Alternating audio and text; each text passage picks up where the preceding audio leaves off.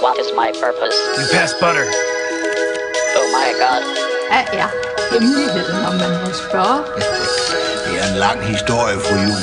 Der har ved Gud ikke været lutter lavkage og dans på roser. Let's go see if we can make this little kitty purr.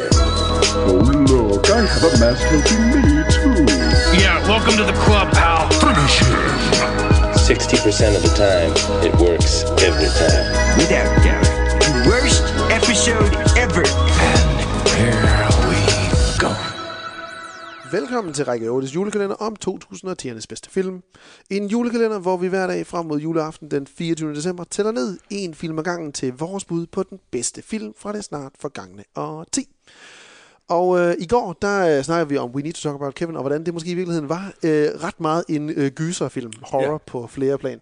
I dag, der hopper vi direkte over i den øh, helt klare horrorgenre, nemlig med en film fra 2017, øh, Ari Asters øh, instruktørdebut, øh, Hereditary, som vi lige så har lavet sjov, sjov med nu herinde, vi gik i gang. Hereditary, Hereditary, hvad end nu man kalder det. Men det skulle vist være Hereditary. Scooby-Doo, ja. Det skulle vist være Hereditary. Jens, Øh, jeg mener... Ja, undskyld. Ja, men man, hvis man sidder derude og tænker, hov, hov, den er vist ikke fra 2017, så lad være med at skrive ind til os. Altså, øh, de der film der, de udkommer meget forskelligt, øh, alt efter hvor man kigger hen, og hvem man spørger, og hvornår man har set den, og hvornår den har dansk premiere, og hvornår den har amerikansk premiere, og hvornår den har festivalpremiere og sådan noget. Så øh, de her film, de udkommer omkring det tidspunkt, vi siger, og de er inden ved det årti, vi siger. Ja, lige præcis. Jeg er også ret sikker på... Jeg kan mener, vi sagde det en af, de før, en af de første dage i kalenderen her, men det er altid godt lige at få understreget, at vi altså lever efter play by our own rules Ja. our house. ja. Men uh, Hereditary, det var, som jeg husker det, i, den var i top 10 uh, af dine film. Kan det ikke passe, Jens? Så afgjort, ja. Ja, jeg var også altså, tosset med den. Uh, I lang tid, jeg, som jeg gør med langt de fleste gyserfilm, bruger jeg utrolig lang tid uh, på research, inden jeg går ind og ser dem. Fordi jeg skal lige vide alt, hvad der nærmest sker, så der er jeg forberedt på alt, hvad der nærmest kan ske i sådan en film der. Fordi jeg jo, som sagt, øh, så ofte i den her podcast, ikke er den store, øh, stærke mand, men lidt af en kryster, når det kommer til øh, sådan noget fantasifuldt øh, gyselige sager i mørket. Ja, man kan Gerne sige, at øh, det forgangne årti var det årti, hvor vi to vi lærte at se gyserfilm. Og tage hinanden sådan. i hånden, og den anden hårdt fat om nosserne, og så bare klemme til, og ligesom stå det igennem smerten og ubehaget. Ja. Ja. Og det har noget at gøre med, det har noget at gøre med, at vi begge to lider af en frygtelig FOMO. Og når ja. de her gyserfilm så udkommer og bliver ligesom proklameret som high art. Lige præcis. Og, øh, altså store Elevated film, horror. som er noget lidt mere end, øh, end, den gængse slasher slash øh, spøgelsesfilm, ikke? Så øh, Slasher slash. slasher slash film. Så, øh, Så føler vi, at vi så er behov vi for nødt at til se at dem. tvinge os selv til at, Ja. ja. at, at tage hinanden i nosserne, ja. Præcis. Både det, at vi har en, en kæmpe øh, FOMO-frygt, samtidig med, at vi så også har en, en fantastisk fantasi, begge to, ja. Når vi jo selv skal sige det.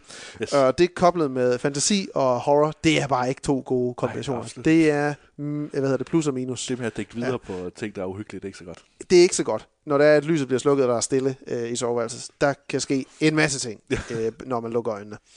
Men, øh, og der sker også en forfærdelig masse ting i Hereditary. Ja. Det er næsten ikke til lige at vide, hvordan man lige skal starte. Øhm, Traileren, ikke? Traileren var jo fantastisk, synes du ikke det? jo, Til Jo. Hereditary. Vi, Jo, vi får se. præsenteret det her lille, lille barn, som ser en lille smule specielt ud, Ja. som laver de her lyde. Ja. Og så, der op, gennemgår i traileren. som ligesom, og så optrapper traileren jo bare med alle mulige billeder af folk, der er, der, der er ilige folk, og dukkehuse, og døde kraver, og øh, nogen, der slår hovedet ind mod ting, og, Ja. og nogle atypiske skuespillere også. Ikke? Altså Præcis. Tony, Tony Collette øh, har man kun set, hvad hun, jeg tror, hun spillede med i... Øh, i Sixth Sense, tror jeg faktisk også, hun var moren. øh, Ja, og så blev hun jo ret stor efter United States of Terror. Ja, øh, tv-serien tv-serie. her. Men ja, den lille pige spillet af Millie Shapiro, der har jo, som du siger, et ret særpræget udseende. Og det, det er jo sådan en klassisk horror truppe og kliché lidt at have nogle børneskuespillere, nogle børn, der er med i filmen, der skal se lidt mærkeligt ud. Ja. Ja. For bare det, at de ser lidt mærkeligt ud i konteksten af en, en gyser, det gør bare, at de er lidt uhyggelige. Og, øh, og Charlie, som karakteren her hedder her, er øh, ikke anderledes på den måde. Hun er et rimelig creepy lille barn, der som sagt laver den her lyd indimellem uprovokeret aner ikke rigtig, hvorfor hun gør det. Hun laver nogle ret uhyggelige tegninger, og så lader hun også til at have lidt af en øh, særlig interesse i at samle på døde dyr og skære hovederne af dem og gemme dem i en lille legetøjsæske. Derudover så sover hun også nogle gange i et øh, udehus, der, ude træhus, der er øh, uden for øh, familiens øh, øh, hvad hedder det, hovedhus. Øh, også selvom det er super koldt, øh, som er faren spillet af Gabriel Byrne.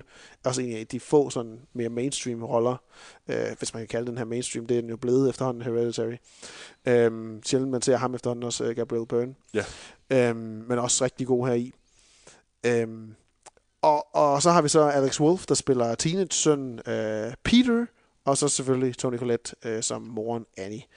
Der er en, som jo er lidt af en, en familie præget af tragedier. Ja. Øh, hvor vi starter ud i filmen, det er, at øh, Annies mor, øh, Lee, hun netop er død. Og det var en øh, person, som var distanceret fra Annie. De havde ikke kunnet sige eye to eye gennem lang tid, så det er lidt et anstrengt forhold og en anstrengt øh, sådan, tale, hun holder til sin mors begravelse, hvor der er en, en hel del mennesker, men mange af dem er nogen, som Annie ikke rigtig ved, hvem er. Og godt det fucking samme, skal jeg da lige hilse at sige.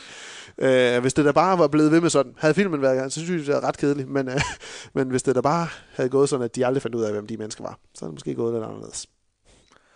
Den her film er, er, jo, er jo meget sådan kendt for den, øh, den, den hvad man kan sige, den øh, diskussion, den skabte omkring, jamen, hvad, hvad er egentlig godt og hvad er egentlig dårligt, hvad fungerer ved filmen.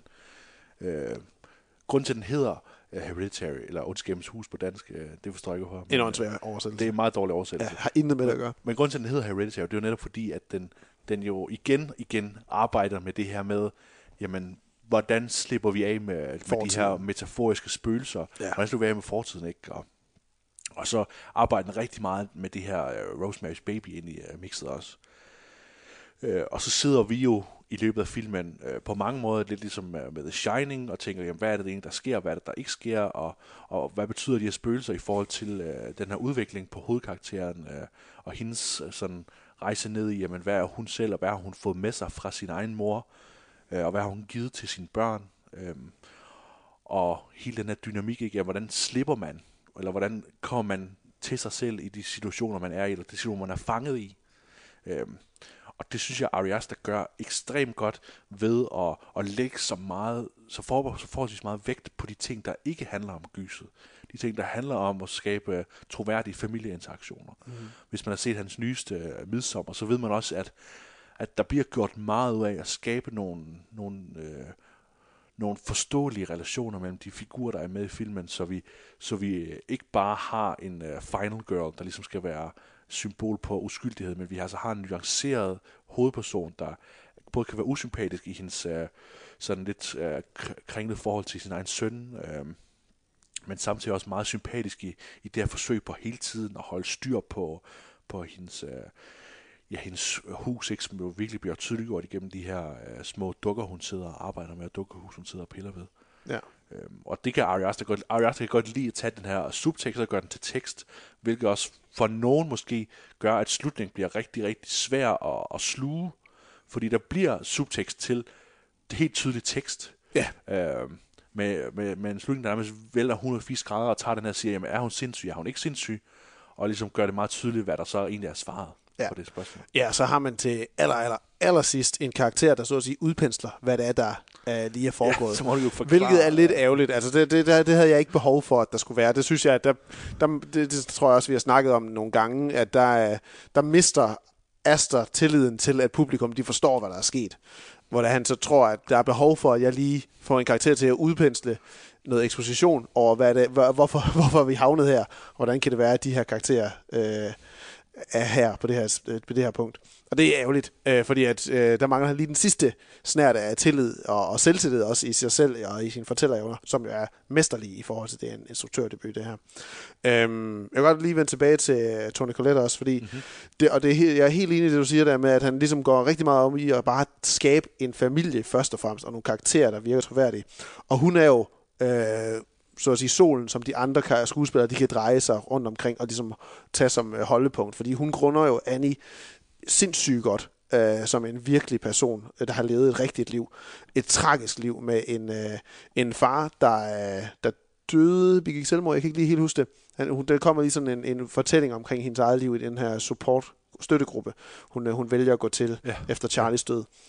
Og, øhm, og der øhm, fortæller hun om sin fars død, og hvordan han var skizofren også, øh, og at øh, hendes mor er lige død. Hun var heller ikke sig selv øh, i, til, til, helt til sidst, og hvordan de ligesom var langt fra hinanden igennem, øh, igennem årene, og, og hvordan hendes bror havde begået selvmord, fordi at han sagde, at deres mor havde forsøgt at putte stemmer ind i hovedet på ham. Mm. Og stadigvæk på det tidspunkt, så tænker jeg, ja, det er godt nok noget mærkeligt noget, der er det her. Og igen i tvivl om, hvor er det egentlig, vi er på vej hen. Men så pludselig så kommer der så det her rush-in af, af overnaturlige elementer, som gør det til en meget mere sådan den onde ånd, der muligvis kan possess en eller anden, besætte nogen. Og så snart de her besættelser træffer ind, så, er det, så bliver uhyggen lidt mere udpenslet, men, men vanvittigt grusom alligevel, synes jeg, og vanvittigt ubehagelig. Øhm, han er jo enormt dygtig til at gøre brug af hele billedrammen, hvis man kan sige det, Ari Aster. Ja. Ja. Der er virkelig mange, og det er jo noget, man snakkede rigtig meget om med Hereditary, det var, hvordan at øh, modsat Midsommar fra i år, hvor der nærmest blev blændet af alt det lys og farver, vi, øh, vi ser i den film. Her er det bare så meget mørke og, og ting, der er henlagt i skygger.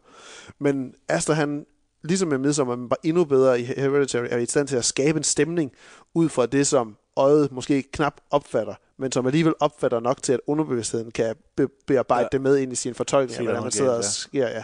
Fordi der ligesom er ting, der er placeret i kanterne og hjørner og i, og i, og i hvad hedder det, i, um, sådan, i, i det mørke dele af, af, rum, af rummet, eller Ja. i de forskellige rum, vi befinder os i, som jo bare gør uhyggen desto større. Det er en knagerække, eller der, der pludselig ser ud som noget andet. Et, en bold, der triller hen hvor vi, ned, hvor vi tror, det er et hoved. Øh, kar, hvad hedder det, skikkelser, der pludselig befinder sig i en skov, selvom de ikke var der lige før.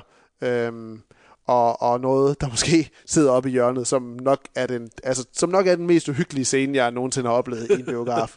Det, det havde jeg det meget, meget stramt med. Der faldt jeg godt nok dybt tilbage i sædet, da jeg, som vi også lige snakkede om, inden vi gik i gang med jeg sagde til min kæreste, Oj, ah, det har jeg ikke godt med, at der vælter ting nu, mens jeg sidder og snakker om det her. Det rendte lige koldt ned ad ryggen på mig nu. Det var din, det var din, øh, hvad hedder det, ar, øh, armlæns ting her, der faldt ned bag mig. Huh. Oh, nu faldt jeg lige. Men okay, tilbage til øh, oplevelsen der. En anden tidspunkt, hvor jeg var bange. Sagde, lænede mig over til min kæreste og sagde, kan du også godt se, at der sidder noget oppe i hjørnet? Og hun så bare nikker. Det kan hun godt. Okay. Og så læner jeg mig ellers tilbage og griber hendes hånd og knuger igen, knuger fast i mine boller. Nej, det gjorde jeg ikke. Det var en biograf. Det, var, det havde ikke været passende. øh, men i hvert fald, han, han gør så meget rigtigt i filmen her, at jeg også er, jeg er villig til at, ligesom at acceptere hans lille sådan fejl med at skulle, øh, skulle udpensle øh, handlingen til aller, aller sidst. Det er fordi, det, det er jo, jeg tror, gyserfilm skal jo altid vurderes på det, det, den præmis, ikke, at man skal sige, jamen, øh, hvor troværdigt er det, der sker, og i hvor høj grad sidder vi med en følelse af, at alt kan ske. Ikke? Øh, Ja. Det er jo det, der er spændingselement, ikke? og det er jo det, der er vigtigt for gyser, det er, at vi hele tiden skal for- forestille os, men, men den her dæmon kan gøre alt hvad som helst, så, Ja. øh, så hvis den kan gøre det her, så kan den også gøre det her, og så sidder vi ligesom er bange for, at den så rent faktisk gør det, ikke? Og, og netop aktiverer den her øh, forestillingsevne, man har som seer og siger, åh oh, nej, jeg aner ikke, hvad der sker, når jeg er vildt bange, fordi at alt kan ske. Ikke? Præcis. Det er jo der, hvor frygten stammer fra. Øhm, og der synes jeg bare, at Ari Aster, han balancerer det så godt ved at skabe et, et troværdigt univers af en familie og nogle traumer og nogle følelser, øhm, som, som jo på en eller anden måde for mig også kommer af, at øh, man får præsenteret traileren, og man får præsenteret Charlie som måske sådan, som et, eller andet- et center uhyggeligt barn, og så det med, at man så tager Charlie ud af, Ja, af forholdsvis af filmen, tidligt. Altså forholdsvis så tidligt, som man gør. Det gør også bare igen, at man, man skaber et nyt grundlag for at opleve filmen på en, øh, på en måde, som, så det bliver mere end en gyser. Og det er jo det, de her øh, tier-gyser, de har gjort, ikke? det er, at de har, har været så bevidste om, at vi skal være mere end bare gyser. Ikke? Når man ser øh, øh, Get Out, og når man ser øh, Us, og, og Hereditary, og, øh, og The Witch, og sådan noget, så ved man, at de her film, de handler om, om andet end bare at være uhyggelige. Ikke? Ja. At, øh, det er ikke bare, øh, jeg nu ved jeg ikke, altså jo, øh, Nattens Dæmoner og sådan noget, de handler også om andre ting, men, men er lidt mere Fokuseret på i- gyset. I, jumpscares, hvor ja. de her andre sådan artifarti gyser er, de, de fjerner lidt det her jumpscare ja. til fordel for noget, øh, noget stemningsfyldt. Præcis. Og det er der, som vi har snakket om flere gange om, det er der, at uhyggen, i hvert fald for os, den ligesom træder kraftigere frem. Vi snakkede meget om det, da vi havde snakket om, øh, om 1, chapter 2, at, at et jumpscare, det er hurtigt overstået, den uhygge, der kommer af det. Hvis der man kan trække spændingen og hele tiden blive ved med at tilføje noget, uden rigtig at give en forløsning til publikum, så, så knuger man meget mere øh, hænderne og, og, og hænderne i biografsædet, fordi man aldrig får den forløsning, så gør det bare, at man er totalt anspændt hele tiden. Og det, det er sådan en helt anden form, i min opfattelse, mere ubehagelig form for uhygge også. Ja. Øhm, de sidste 15 minutter er jo meget, meget særlige i den her film, fordi vi bruger, så, vi bruger rigtig lang tid, hvor der ikke nødvendigvis sker super uhyggelige ting, altså sådan in your face uhyggelige ting, øh, men netop har de her sådan stemningsopbyggende seancer, hvor der er, der ligesom, ja, der sker noget virkelig uhyggeligt, og vi er virkelig on edge for, hvad der er, der foregår, og hvad der skal til at ske med, vores, karak- med karaktererne i filmen. Hvor de sidste 15 minutter, der er det, der, der, der, der er det Ragnarok, simpelthen, hvad der sker. Der er dæmonen sluppet løs, og dæmonen har fået tag i, uh, i, uh, i karaktererne, og, og, og der er kun uh, én vej, og det er den gale vej nu. Ja. Øhm, og og det, det er grufuldt at opleve, hvordan... Øh, også fordi vi går fra en... Øh, det, det kommer som sådan et skille af, at der er meget, meget larmende støj, øh, hvor at øh, Steve, øh, hvad hedder det, Steve, øh, faderen, Gabriel Burns karakter, han, øh, han dør. Det er en meget, meget voldsom og højlydt scene, hvor det foregår. Og så det næste, den næste scene, der er det total stillhed, hvor der er, vi ja. så vågner op sammen med, øh, med Peter. Ja. på, på hans værelse. Og så følger vi ellers den stillhed sammen med ham i et godt stykke tid, indtil musikken den pludselig creeper ind, og bare sådan pitcher op, og så bliver han angrebet. Og så er det ellers bare flugt for livet der, indtil han ikke kan flygte mere. Ja, og nu er det jo den første af to fuldlængde film, Ari Aster har lavet, ikke? Og, og det, det har man ingen fornemmelse af, når man ser den, fordi den er så, Nej. øh, så overlægent lavet. Det man så til gengæld har en fornemmelse for, det er, når man har set The Hereditary og uh, Midsommar, ikke? Så, så ved man helt klart, at han har en eller anden uh, idé om, hvad det vil sige, at give sig ind til et eller andet, ligesom, og, og hvordan, hvordan gyset hurtigt kan være noget, noget andet. Øhm, og, og begge film har ligesom en, en slutning, der handler om at, at give slip og, og, og på en eller anden måde øh, forene sig med noget, hvor at det er svært at fornemme helt, fordi det er, det er noget helt andet end typiske gyserfilm slutninger, der, der gerne ligesom vil, vil give, vil, vil give en, en falsk fornemmelse af, at nu er det onde overvundet, og så, så lige lave den sidste vinkel, hvor man siger, hov, der er stadigvæk noget ondskab tilbage Ja. i verden. Ikke? Det, ja. det er det, alle gyserfilm stort set Ja. slutter med. Ja. Hvor Ari Asters gyserfilm, de, de, de slutter på, på en langt mere positiv note, men stadigvæk på en måde, som, som er distanceret for, for os, altså fjernet fra en eller anden medfølelse i Ja. os. Ikke? At, det, så det, det er svært at forklare helt, hvordan det føles, og det tror jeg også, der er mange, der ligesom har svært ved at, at fange den idé, som Ari Aster har med de film. Ja. Og det kan være, at han, jeg håber ligesom, han vil udforske Det øh, dybere, hans, hans slutninger og videre hen i de videre film, han laver. Jeg kunne måske godt tænke mig at se en film fra ham, hvor der han måske tager lidt udgangspunkt i en slutning af, hvad man kan forestille sig i to andre film her. Fordi han har netop skal man sige, en, en tydelig fascination af det her med, hvad der sker, når et individ, der først er øh, modstander af det nye samfund, eller hvad man skal kalde det, som de bliver introduceret for, for så til sidst at give op, eller give sig hen til det. Hvad betyder det for individet? Øh, Er det fordi, de er blevet omvendt? Er det fordi, de har givet op? Hvad er det egentlig, der sker med Ja, dem? det er det, det er Øh, og det er helt rigtigt. Vi oplever det jo som noget grusomt, før de kommer dertil. Ja. Men når først opgivelsen den er truffet ind, så, er det, så bringer Ari Aster det også ind som en form for positivitet. Ja. Hvor det er individets forsvinden, eller jeget, der så at sige bliver fjernet fra karakteren. I den ene film, bogstaveligt talt, så forsvinder jeget øh, fra, fra Peter øh, i slutningen af filmen her. Ja. Øhm, hvor det i Dannys tilfælde mere er en så voldsom nedbrydelse og hjernevaskelse, måske på en eller anden måde, hvor vi jo er glade for, at Danny på sin vis får sin hævn, men har svært ved helt at acceptere, hvordan hun endelig vælger at træffe det valg, som hun gør i slutningen af Midsommar. Og der er et eller andet virkelig spændende, han prøver at komme frem til her, med, med hvordan det er individet, de ligesom agerer i den setting. Ja, fordi du netop, han, det netop handler om, om individualitetens øh, modstand, ikke? Det der med, at, at i midsommer, der handler det om at være en del af en kultur, og hvor uhyggelige andre fremmede kulturer kan være, Hvor i, mm. hvor i Hereditary, det handler det bare om familie, ikke? Hvor, hvor uhyggeligt og hvor omklamrende det kan være ligesom at, at skulle tvinges til at være en del af en familie, man måske ikke bryder sig om, man måske ikke Ja. forstår og sådan noget. Og, og der kan man så synes, at måske er det, handler det om, at Peter han så til sidst øh, giver slip på hans individualitet, ligesom øh, Florence Pugh's øh, karakter giver slip på hendes individualitet, og så Ja. bliver en del af et fællesskab. Ikke? At det er jo for virkelig en nøjagtig sammenslutning, Ja. ja. bare i forskellige øh, settings. Ja, ja og den, den, den, er, den er virkelig spændende på det måde, den ligesom arbejder med familierelationerne på, og den, det ligesom er noget, man, man bare ikke kan løbe fra. Man kan ikke løbe fra det, og det er på en eller anden måde, så er det forudbestemt, hvad der, er, der kommer til at ske med de her karakterer i filmen. Også fordi man så kan ved gensyn se, hvor mange ting, der ligesom lader til at være orkestreret af det her øh, samfund, eller den her gruppe, som øh, bedstemoren, hun var en del af, Annis mor var en del af, hvor mange ting, de ligesom er sat i værk, som følge af noget, de gør.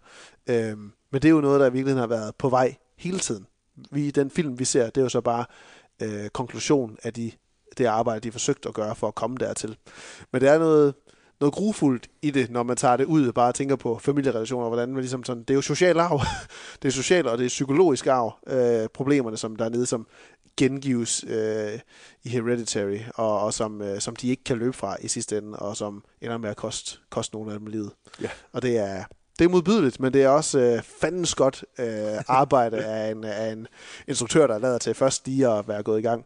Jeg ønsker lidt af ham, at han lige tager en pause efter, og ja, ja det var forkert, det var i 2017, det var jo sidste år, Hereditary kom. Selvfølgelig var det det.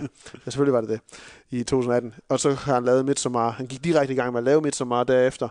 Og øh, det, det er altså to virkelig tunge psykologiske film også på sin vis. Så jeg ønsker lidt for ham, at han lige måske tager en, et års pause, udvikler det næste projekt, og så kommer med, med en, en tredje, hvor vi så måske kunne få en lidt mere sådan udpensning af, hvad det er, han egentlig gerne vil sige omkring det her med individets øh, kontra gruppefølelsen.